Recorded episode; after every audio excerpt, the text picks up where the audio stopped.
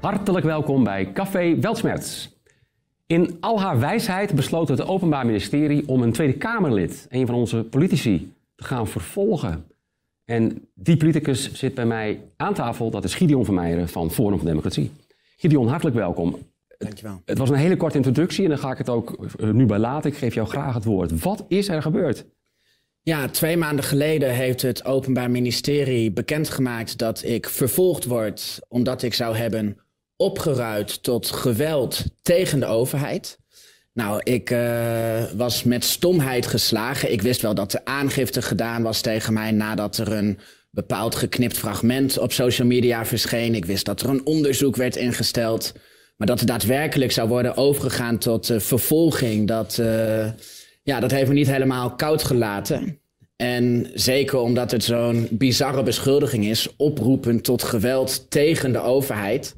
Ik keur iedere vorm van geweld af. Ik roep alleen maar op tot vreedzaam en geweldloos verzet. Maar daar denkt het uh, Openbaar Ministerie schijnbaar anders over. En uh, nou ja, toen heb ik het uh, persbericht bekeken van het Openbaar Ministerie. Om eens te zien waar word ik nou precies van beschuldigd. En nou ja, dan wordt er gezegd dat ik me op twee momenten schuldig zou hebben gemaakt aan het oproepen tot geweld tegen de overheid. Namelijk één keer bij een bijeenkomst voor boeren, waar ik heb gewezen op het recht van opstand. Ja.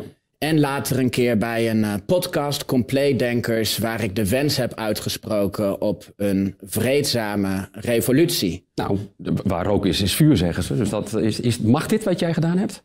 Naar mijn stellige overtuiging wel. Juist omdat ik in beide gevallen expliciet heb benoemd, um, zoals ik altijd doe, dat dat verzet of zo'n revolutie uiteraard vreedzaam en geweldloos moet zijn.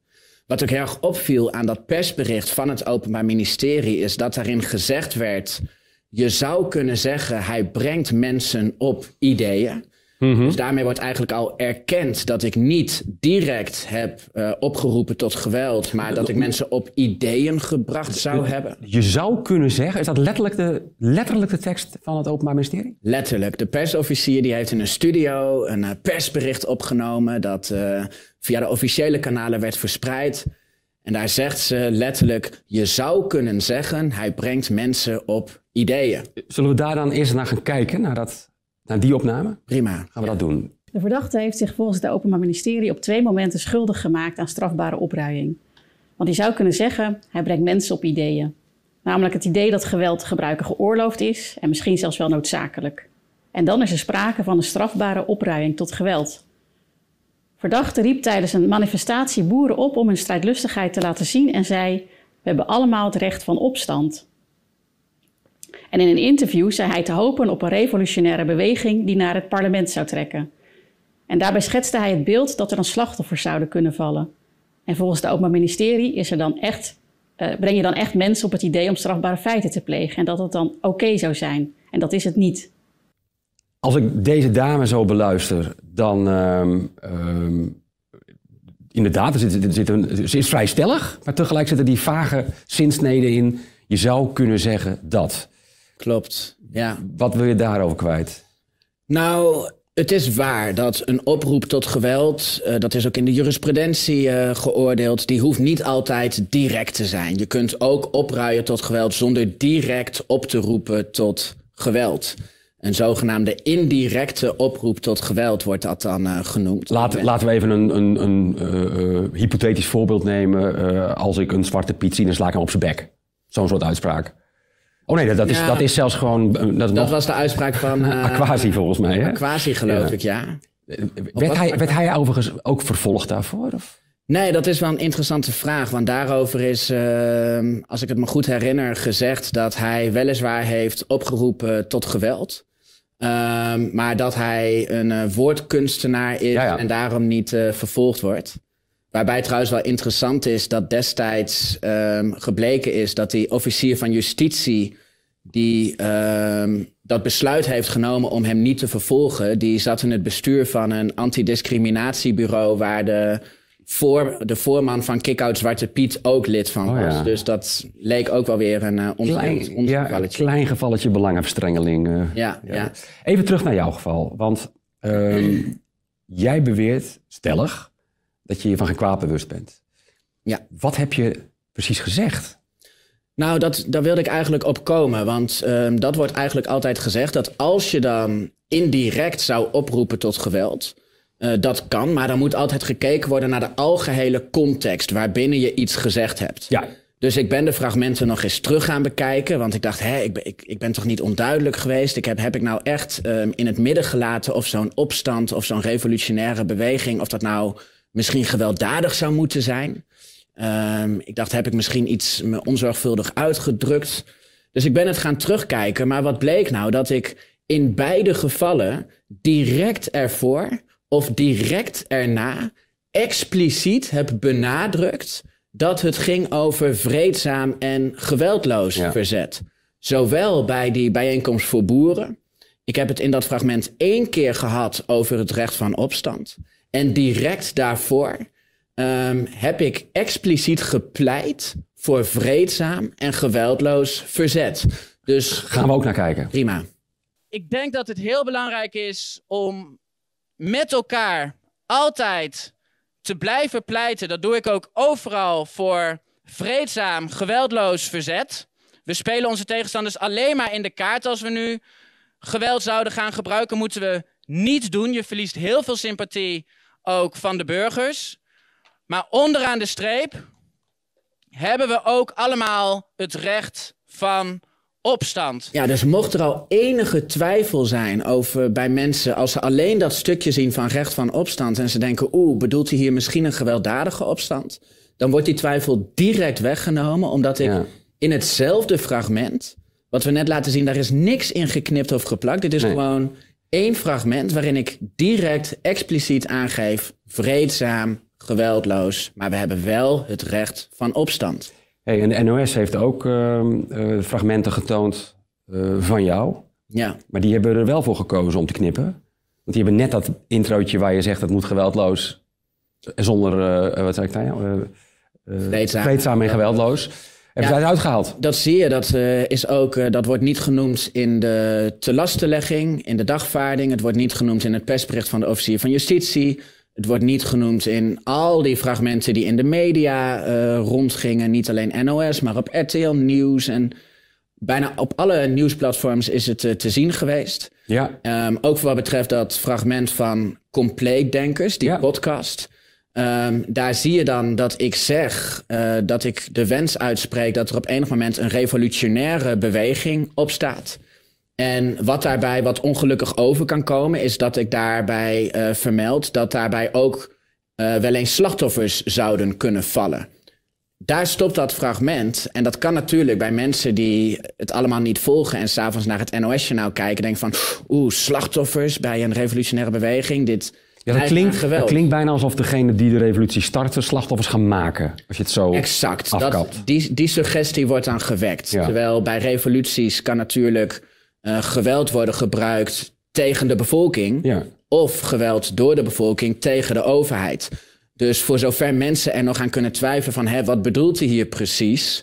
ehm, is het ook van belang om even verder te kijken. En dat is dus weer precies dat stukje wat ze weggelaten hebben. Want direct daarna, in dit geval, eh, geef ik aan dat ik de hoop uitspreek dat alles vreedzaam blijft. En dat ik het heb over een fluwelen revolutie. ja, nou, ik zou zeggen, Ja, instarten maar, hè. laten we maar even kijken. Laten kijken. Wij hebben wel de aantallen uiteindelijk. En ik denk wel dat als die massa zo groot wordt en bij wijze van spreken ehm, echt omslaat in een revolutionaire beweging. Ehm, die zich natuurlijk heel duidelijk onderscheidt van een protestbeweging. Dan ga je smiddags om één uur naar een, eh, naar een groot protestterrein en ga je om vier uur weer naar huis. Maar een revolutionaire beweging waarbij het zo urgent wordt voor mensen ehm, die niks meer te verliezen hebben, dat ze bij wijze van spreken naar het parlement trekken en zeggen: wij gaan hier gewoon niet meer weg totdat de regering weg is. Waarbij helaas het verleden en tal van andere voorbeelden wereldwijd laten zien dat daar vaak ook slachtoffers bij vallen, soms dodelijke slachtoffers. Dat is vreselijk en laten we hopen dat we dat kunnen voorkomen en dat alles eh, vreedzaam eh, blijft. Maar dat is wel waar ik op hoop uiteindelijk. Ehm, het wordt wel eens mooi een eh, fluwele revolutie genoemd. Jij hebt uh, meegenomen voor mij uh, het dossier wat jou is toegestuurd door het OM. Uh, waarin zij uitgebreid, 300 pagina's volgens mij. Exclusief bijlagen. Het is nog veel erger. ja. Dus 300 pagina's, exclusief bijlagen. daarin verwijzen zij heel nauwkeurig naar welke specifieke uitspraken, op welk moment, welk kanaal, of, of welke lezing, demonstratie, interview. Dus dus er, er, kan geen misverstand ontstaan over welke, welk specifiek moment zij het hebben. En, en dan kan er dus ook geen misverstand bestaan over de context waarin jij de uitspraak hebt geplaatst, toch? Nou, dat is een goede vraag, want dat dossier dat is inderdaad uh, vrij omvangrijk. En toen ik het ontving, toen um, ben ik eerst eens gewoon oriënterend gaan bladeren van wat staat hier zo ongeveer in. En toen viel mij op dat er tal van interviews, toespraken, uh, speeches, uh, Twitterberichten, tientallen Twitterberichten van mij.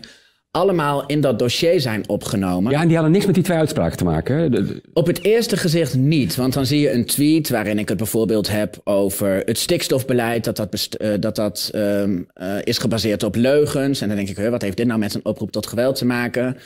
Um, tweets over de invloed die het World Economic Forum heeft op ons uh, staatsstelsel. Dus ik denk, hè, wat halen ze er allemaal bij? Maar toen ik het aandachtig ben gaan bestuderen, toen um, kwam ik erachter dat er een uh, procesverbaal is opgenomen in het dossier. Um, waarin ze het hebben over, ik zal het even bijpakken, een zogenaamd uh, narratief dat ik zou verspreiden. Een narratief? Inderdaad. Uh, nou, dit is het proces verbaal. Misschien dat het zo even in beeld gebracht kan worden. Ja. Want uh, nou, daar staat... Ik heb publieke toespraken en of interviews van Van Meijeren... vanaf januari 2022 bekeken en beluisterd. En hierbij valt op dat Van Meijeren een op hoofdlijnen overeenkomstig verhaal vertelt... met een op hoofdlijnen overeenkomstige boodschap. Maar je bent wel consequent dus, dat is, dat is prettig. Ja, dat is een verkapt compliment. Maar... Ja. Daarbij staat dan, um, in het onderzoek wordt dit het narratief genoemd. Nou, wat is dan dat narratief? En ze verwoorden het. Er wordt door Van Meijeren gesteld dat er sprake is van een kwaadaardige, tyrannieke overheid die zich keert tegen de bevolking. Er worden door de overheid doelbewust leugens verteld, er wordt censuur toegepast wanneer de kritiek wordt geuit op de overheid en het Nederlandse volk wordt onrechtmatig van fundamentele vrijheden en grondrechten beroofd. Daarmee is er volgens Van Meijeren geen sprake meer van een goed functionerende democratische rechtsstaat. De burger, het Nederlandse volk, heeft ofwel het recht, ofwel zelfs de morele plicht om in opstand en verzet te komen. Nou, dan hebben ze daar zes punten uitgehaald. Even, even voordat je verder gaat, ja. maar dit narratief. Ja. Ik, ik, ik, durf te beweren dat dat wel klopt, toch, met jouw uh, denk- en zienswijze? Zeker, ik uh, kan ze punt voor punt onderschrijven. Ik ben inderdaad uh, tot mijn grote schrik en spijt tot het inzicht gekomen dat de overheid op dit moment niet te goede trouw is, maar dat er kwaadaardig gehandeld wordt. Nou, ik heb uh, tal van voorbeelden van de overheid die doelbewust leugens verspreidt. Uh, ik heb tot in den treuren beargumenteerd dat wetten onrechtmatig tot stand komen, dat inderdaad het Nederlandse volk wordt beroofd van fundamentele vrijheden en grondrechten dat de democratische rechtsstaat inderdaad uh, niet meer bestaat of in ieder geval niet functioneert. En daar de logische conclusie aangetrokken, uitgetrokken dat de burger ook het recht heeft of zelfs de morele plicht om daartegen in opstand te komen. Ja.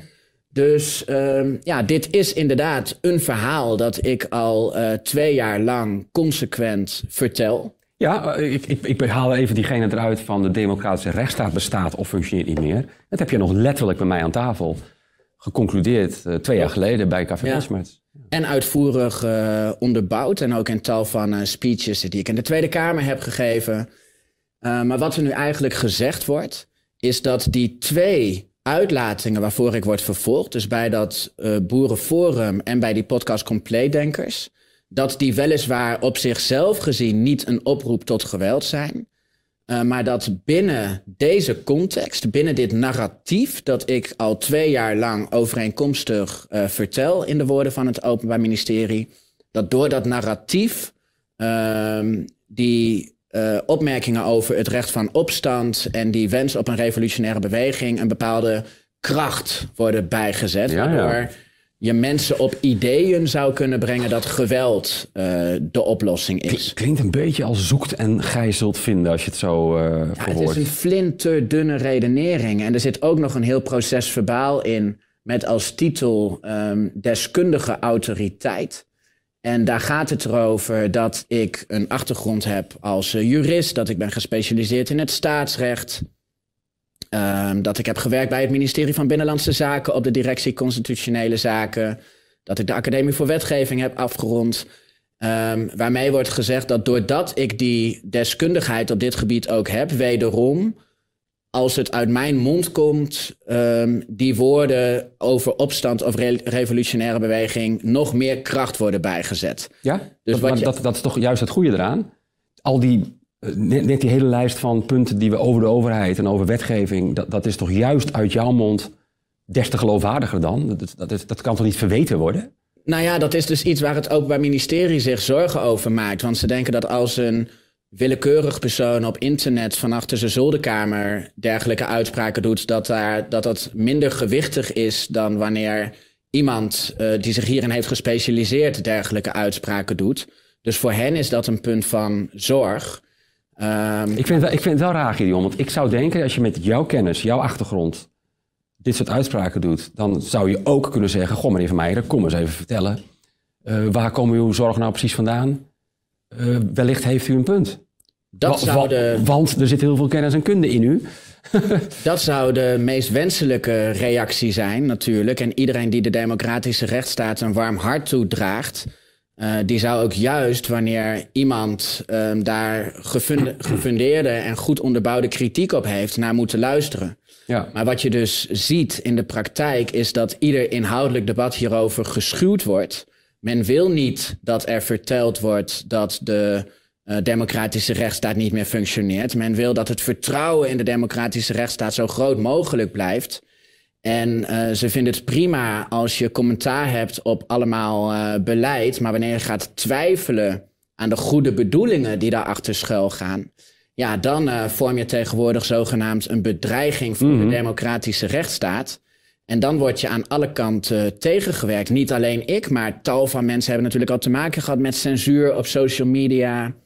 Um, er wordt ook nu wetgeving voorbereid om de zogenaamd uh, ondermijnende organisaties aan te pakken. Ja. En als je dan gaat kijken wat zijn dan ondermijnende organisaties, dan wordt daar expliciet gezegd dat dat organisaties zijn die um, activiteiten organiseren, zoals lezingen of uh, toespraken. Café Weltsmerts. Café Weltsmerts, um, waarbij de boodschap verteld wordt die ertoe kan leiden dat het vertrouwen in de overheid of in de instituties afneemt. Dat is waar tegenwoordig voor gewaarschuwd wordt. Die geluiden mogen niet meer gehoord worden. En nou ja, je ziet nu dus dit hele dossier zit vol met alle tweets, interviews, et cetera, die ik heb gegeven. Um, waarin ofwel dat narratief wordt um, um, bekrachtigd, ofwel waar het gaat over die, zoals zij dat noemen, deskundige autoriteit. Ja. Daar staat het dossier helemaal vol mee.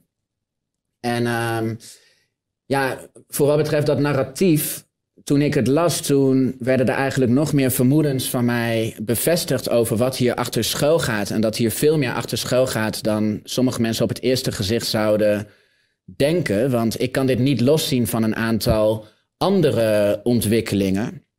Namelijk als het gaat over dat narratief van die kwaadaardige elite, mm dan worden daar precies dezelfde bewoordingen gebruikt als die ook de AIVD tegenwoordig gebruikt wanneer zij waarschuwen voor anti-institutioneel extremisme. Ja, ja. hebben ze het ook over dat kwaadaardige elite-narratief. Um, zij zeggen dan, daar gaat een bedreiging van uit voor de democratische rechtsstaat. Nou, nu in de eerste plaats, ik ben absoluut niet anti-institutioneel. Ik ben ook geen extremist, omdat ik iedere vorm van geweld afkeur. Ja. Ik verzet me alleen tegen de corruptie binnen die instituties. En ik wil juist de democratische rechtsstaat herstellen. Met gebruikmaking van vreedzame democratische middelen. Maar het feit dat hier diezelfde woorden worden gebruikt als de AIVD vind ik wel zorgwekkend. Want de AIVD die benoemt vervolgens dus dat dit een bedreiging vormt voor de democratische rechtsstaat. Mm -hmm. En ondertussen wordt er ook op dit moment wetgeving voorbereid. De wet op de politieke partijen. Ja. Uh, die is al in internetconsultatie uh, geweest. En daar staat een artikel in om politieke partijen te kunnen verbieden wanneer zij een bedreiging vormen voor de democratische rechtsstaat. Is dit een voorzetje? Ja, ik kan me niet aan de indruk onttrekken dat dit allemaal met elkaar samenhangt. Mm En ik noem het een uh, drietrapsraket. Dus één, de IVD waarschuwt voor dat kwaadaardige elite-narratief, ja. omdat dat een bedreiging vormt voor de democratische rechtsstaat. Stap 2. Een Kamerlid van Forum voor Democratie maakt zich hier schuldig aan. Dus hij is die bedreiging voor de democratische rechtsstaat. Ja. En stap 3. Partij. Partijen um, die die boodschap uitdragen of leden van die partijen. Uh, die die boodschap uitdragen, um, die vormen een bedreiging voor de democratische rechtsstaat. En daarom kunnen die partijen worden verboden. Even los van het verbod op, op wellicht een partij, hè? want dat, dat zou natuurlijk verschrikkelijk zijn. Maar wat zou voor jou persoonlijk het gevolg van deze vervolging kunnen zijn? In het meest slechte geval. Uh, ja, wat de gevolgen zijn voor mij als individueel Kamerlid, um, dat is ook wel een interessante vraag. Want um, ze kunnen mij niet het Kamerlidmaatschap afpakken, omdat er in de wet een aantal vereisten staan waar je aan moet voldoen om Kamerlid te kunnen zijn. Zoals nee, maar veel erger kunnen ze jou je vrijheid afpakken. Nou ja, in theorie uh, kan opruiing, dus artikel 131, eerste lid van het wetboek van strafrecht, worden bestraft met een gevangenisstraf van ten hoogste vijf jaar. Zo. Um, nu moet ik wel zeggen dat zo'n maximumstraf alleen zal worden opgelegd in extreme gevallen. En dan moet je eraan denken dat iemand herhaaldelijk zich hier schuldig aan maakt en dat dat geweld zich in de praktijk ook daadwerkelijk voordoet. Nou, daar is in dit geval natuurlijk totaal geen sprake van. Meestal wordt er een, uh, een taakstraf opgelegd. Maar ja, er gebeuren zoveel gekke dingen dat je mhm. inderdaad niet uh, totaal kunt uitsluiten dat, uh, dat er op enig moment uh, ook daadwerkelijk een gevangenisstraf wordt opgelegd. Maak jij je zorgen? Zeker maak ik me enorme zorgen, maar ik moet zeggen toch wel meer over de staat van het land ja. en de richting die we opbewegen. Um, dan over mij persoonlijk. Want nou ja, dit raakt niet alleen mij. Dit raakt de vrijheid van meningsuiting van iedereen. En ik vind het buitengewoon zorgwekkend dat de zittende macht um, de pijlen heeft gericht op de oppositie. En eigenlijk iedereen die kritiek heeft, fundamentele kritiek op het beleid. En die ook het vergrootglas wil leggen op schimmige belangen die daarachter schuil gaan, op corruptie die wordt ontdekt binnen systemen, leugens ontmaskerd. Ja, dat dat verdacht gemaakt wordt en dat dat wordt neergezet als een bedreiging voor de democratische rechtsstaat. Uh, dit is iets wat kenmerkend is voor totalitaire staten. Waarin um, ja, geen ruimte meer mag zijn voor oppositie. En ja, wie kritiek heeft op het regime um, wordt neergezet als een, een grote bedreiging of een terrorist. En nou ja, Nederland is nu toch wel in heel hoog tempo die richting op aan het bewegen. Zeker in combinatie met uh, veel andere zorgwekkende trends. Hè, die strijd tegen zogenaamde desinformatie ja, ja. op internet. Ja.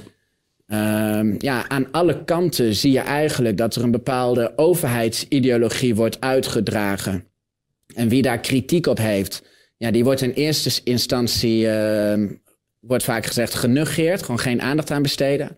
Als ze merken dat dat niet meer werkt, dan word je geridiculiseerd. Ja, voelde hem aankomen. Als dat niet meer werkt, dan word je gewoon keihard aangevallen. En dan krijg je te maken met uh, ja, de meest vreselijke verwijten. Hè? Kritiek op het immigratiebeleid en je bent een racist. Ja. Kritiek op het LGBTQ-beleid en je bent transfoob. En nou ja, die termen fascist, racist, we kennen het allemaal. Je wordt direct in een bepaalde hoek gedrukt. Ja. En zodra ze merken dat je ook daar niet meer voor zwicht en toch je verhaal blijft vertellen en daar standvastig in uh, blijft, ja, dan trekken ze dus uh, als uiterste middel zelfs uh, ja, het strafrecht ja. uit de kast. Ja. Het wordt wel lawfare genoemd, dat eigenlijk de juridische instrumenten worden ingezet om bepaalde tegenstanders te bestrijden. Ja. En ja, dat is toch wel weer een, een nieuw dieptepunt. En de timing is natuurlijk ook wel merkwaardig zo vlak voor de verkiezingen. Zou dat nog een rol spelen? Ja, het was wel het eerste dat mij aan het denken zette toen ik in september um, te horen kreeg dat ik vervolgd word en er ja. gelijk een groot persbericht uh, uitging. Net iets meer dan twee maanden voor de verkiezingen, terwijl die uitspraken al zijn uit uh, juli en november 2022. En die aangiftes zijn ook toen gedaan. Dus je kunt je afvragen waarom is hier een jaar lang Ja. niks mee gebeurd. En wordt twee maanden voor de verkiezingen in één keer met grote persberichten en media-aandacht Ja. dit weer eh, naar boven Nou ja. gebracht. En, en- en ja, we kunnen ons dat afvragen, maar dat blijft natuurlijk speculeren. Zeker weten Ja. gaan we het niet. Maar feit is wel dat hierdoor weer eh, ja, in de campagneperiode, in de aanloop naar de verkiezingen, opnieuw een negatief beeld over ons wordt neergezet. Ja. We hebben het er al over gehad hoe de mainstream media dit allemaal in een bepaald frame plaatsen. Eh, dat ze het in alle praatprogramma's en eh, nieuwsuitzendingen weer eh, over mij hebben. Maar dat ik zelf nergens word uitgenodigd om zelf eens even Nee. mijn kant van het verhaal te vertellen. Ja, klopt. Dus gelukkig zijn de nieuwe media die mij die ruimte wel geven. Maar ja, uiteindelijk valt er natuurlijk niet op te boksen tegen die grote mainstream media tanks die gesubsidieerd eh 2 miljoen kijkers per uitzending Nee. hebben. En die blijven toch de publieke opinie Ja. eigenlijk domineren. Zover zijn we nog net niet. Nee. 2 miljoen, dat ha- halen we nog niet. Ehm, wij hebben het, jij noemde net eh, eh, de kwaadaardige overheid hè, eh, als narratief. Ehm, een aantal jaren terug heb jij in de Kamer, en wij hebben daar ook samen gesprekken over gehad, heb jij ook een boekje opgedaan over satanisch ritueel misbruik. Ehm, misschien is het een, een heel vergezocht eh onderwerp hoor, maar, maar kan het zijn dat, dat omdat jij in dat, in, in dat dossier hebt lopen peuren, dat dat meespeelt in wat er nu gebeurt tegen jou? Nou, dat dossier is inderdaad wel bij uitstek een voorbeeld van ja, eigenlijk het grootst mogelijke kwaad dat maar denkbaar is. Want Satanisch rituele misbruik, ja, dat is de meest vreselijke vorm van seksueel misbruik, wat gepaard gaat met afschuwelijke martelingen, moorden. Eh, het is zo vreselijk dat je er eigenlijk haast niet kunt geloven dat Klopt. het eh, voorkomt. Klopt. Eh, totdat een aantal jaar geleden uit een ehm, groot onderzoek van Argos is gebleken dat het wel degelijk voorkomt en de Tweede Kamer er niet meer onderuit kon om hier een onderzoek naar in te stellen. Precies. En ja, ik heb me inderdaad in die debatten ehm, heel sterk uitgesproken. En daarbij ook eh, gewezen op het feit, het feit dat er ook hooggeplaatste ambtenaren vanuit het ministerie van Justitie en de rechterlijke macht worden beschuldigd van betrokkenheid bij die netwerken die zich hier schuldig aanmaken. Dus ik zal me daar eh, zeker niet eh, geliefd eh, Nee. meegemaakt hebben. Ja, of dat hier direct mee samenhangt, dat eh, valt niet. eh, dat blijft natuurlijk Nee. opnieuw weer eh, speculeren. Maar ja, er zijn zeker een aantal mensen bij justitie en binnen de rechterlijke macht die er niet blij mee zijn dat ik in dit dossier gemengd heb.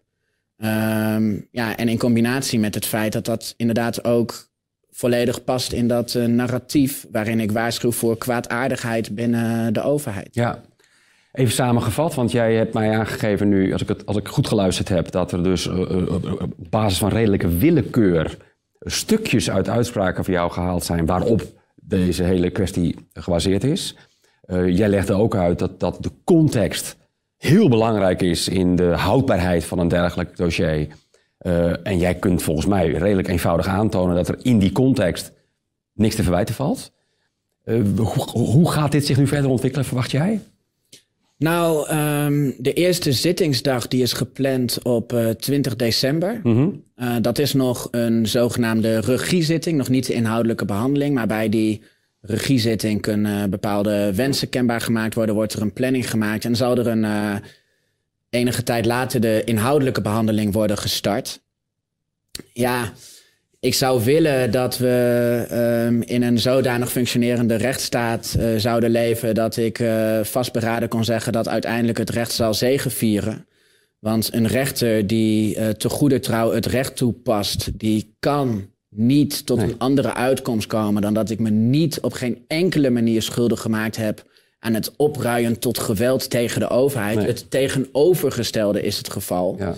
Ehm, ik keur iedere vorm van geweld af. Ik wil geen geweld. Ik roep er niet toe op. Dus als ik hiervoor word veroordeeld, dan is dat buitengewoon onrechtvaardig.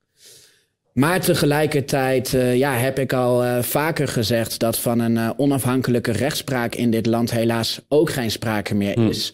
Alle rechters worden benoemd door de regering. Ja. Zijn allemaal afkomstig uit hetzelfde ideologische bolwerk. Um, waarbij ook gezegd moet worden dat er in dit geval al druk is uitgeoefend op rechters uh, vanuit het kabinet. In dit specifieke geval? In dit specifieke geval. Op het moment dat ik die uitspraken gedaan heb, toen heeft minister Kaag op Twitter gezegd dat ik me schuldig heb gemaakt aan opruiing. Mm -mm. Dus nog voordat een rechter zich hierover gebogen heeft, ben ik al schuldig bevonden uh, door minister Kaag. Um, uiteindelijk is minister uh, van Justitie uh, verantwoordelijk voor de politie, justitie en de rechterlijke macht. En ik heb haar in een debat geconfronteerd met die tweet van mevrouw Kaag. En uh, gevraagd hoe zij er tegenaan kijkt dat ik als schuldig word bevonden voordat een rechter zich hierover heeft gebogen. En zij heeft het toen opgenomen voor minister Kaag. Oh. Dus eigenlijk, ja, een rechter die zich hierover moet buigen die weet dat zijn of haar hoogste baas, Ja. de minister van Justitie, uh, het er eigenlijk al mee eens is dat ik schuldig ben. Dus Ja. een rechter moet hoe dan ook, uh, zelfs als hier uh, niet over gebeld zou zijn al van tevoren, wat ook niet uit te sluiten valt, dat het al achter de schermen is bekokstoofd. Maar zelfs een rechter die hier uh, ja, zelfstandig zich over deze zaak gaat buigen, die weet al van oeh, de druk vanuit de politiek om hem te veroordelen, die, die, ligt is er al. heel, erg, heel Ja. erg hoog. Ik zeg ook dat daarmee eigenlijk mijn recht op een eerlijk proces al heel ernstig is geschaad. Ja. Het is uh, totaal verwerpelijk dat er vanuit het kabinet al wordt geoordeeld over mijn schuld voordat een rechter zich hierover heeft uh, kunnen buigen. Maar goed, laten we hopen dat, uh, dat een rechter moedig en dapper genoeg is om niet te zwichten voor die druk en om het recht op een juiste manier toe te passen. Hey Gideon, ik, uh, ik ga jou hier uh, toch wel heel veel succes wensen met deze bizarre situatie waar je in verzeild bent geraakt. Um, je slaapt nog wel goed? Ja hoor, zeker, zeker. En uh, nou ja, het is natuurlijk heel vervelend dat dit gebeurd is ehm, in, in, de afgelopen week. Want ik zit vol in de campagne Ja. dus we hebben mooie events gepland. Uh, we gaan het hele land door en in één keer krijg ik uh, de politie aan de deur die mij een uh, dossier komen overhandigen waar ik toch ja, een paar dagen druk mee ben geweest om daar iets, om dat goed te kunnen bestuderen. Maar tegelijkertijd ja, denk ik ook dat het goed is dat voor de verkiezingen mensen weten dat dit speelt. Ja. Um, ook in het kader van transparantie is het belangrijk dat iedereen dit kan meewegen bij het bepalen van zijn of haar stem. Dus uh, ja, mochten er mensen zijn die denken, nou, ik vind, uh, ik vind die uitspraken toch te ver gaan, dan is het belangrijk dat zij dat voor de verkiezingen weten, want dan staat Ja. het natuurlijk vrij om op een andere partij te stemmen. Maar wat ik natuurlijk hoop, is dat heel veel mensen inzien um, ja, hoe gevaarlijk dit is, uh, hoe smerig deze aanval is op een lid van de oppositie. En uh, ja, juist uh, woensdag 22 november in het stemhokje het signaal afgeven dat er vanuit de samenleving ontzettend veel steun is voor Forum voor Democratie. Dat Ja. zal ook de zaak voor mij een stuk sterker maken als ik voor de rechter sta en kan aantonen. Um, precies in de week dat dit allemaal bekend werd, werd er ook gestemd. En toen heeft het Nederlandse volk laten zien massaal achter Forum voor Democratie te staan. Nou ja, da- laten we, laten we dan eens een klein schepje bovenop doen. Dan zou ik zeggen, als je dan jou in deze zaak steunt, laten we dan gewoon het vakje bij jouw naam ook rood kleuren. Dan zien we aan de voorkeurstemmen hoe groot jouw eh, achterban hier is. Ja, ik zeg altijd of mensen. Het is belangrijk Ik dat mensen op. Forum voor Democratie stemmen. ik weet dat je een hele bescheiden jongen bent, maar ik... Maar het zou wel heel belangrijk zijn om te kunnen laten zien in die rechtszaak dat er gewoon ontzettend veel steun is. ja. En ehm, ja, dat, dat er een substantieel deel van de bevolking precies hetzelfde denkt als ik hierover. En dat ik niet eh, alleen maar eh, namens mezelf spreek, maar, namens heel veel mensen en eh, ontzettend veel steun heb. En die ervaar ik heel erg ehm, buiten op straat. Het zijn een en al duimpjes. Op social media heel veel steun. Maar eh, ja, het is heel erg belangrijk dat mensen ook daadwerkelijk gaan stemmen. ja, Dus zelfs de mensen die denken, ja, het heeft toch allemaal geen zin, want er komt geen verandering uit de politiek of het systeem is corrupt. Uh, als we dat systeem uh, pijn willen doen, dan is het van het grootst mogelijke belang om juist te stemmen Ja. op die partij die door dat systeem bestreden wordt. Succes met de verkiezingen Heel erg bedankt. en eh, heel veel dank voor je komst. Bedankt. Dit was Café Weltsmerts voor deze aflevering. Dit was Gideon van Meijeren. Tot de volgende.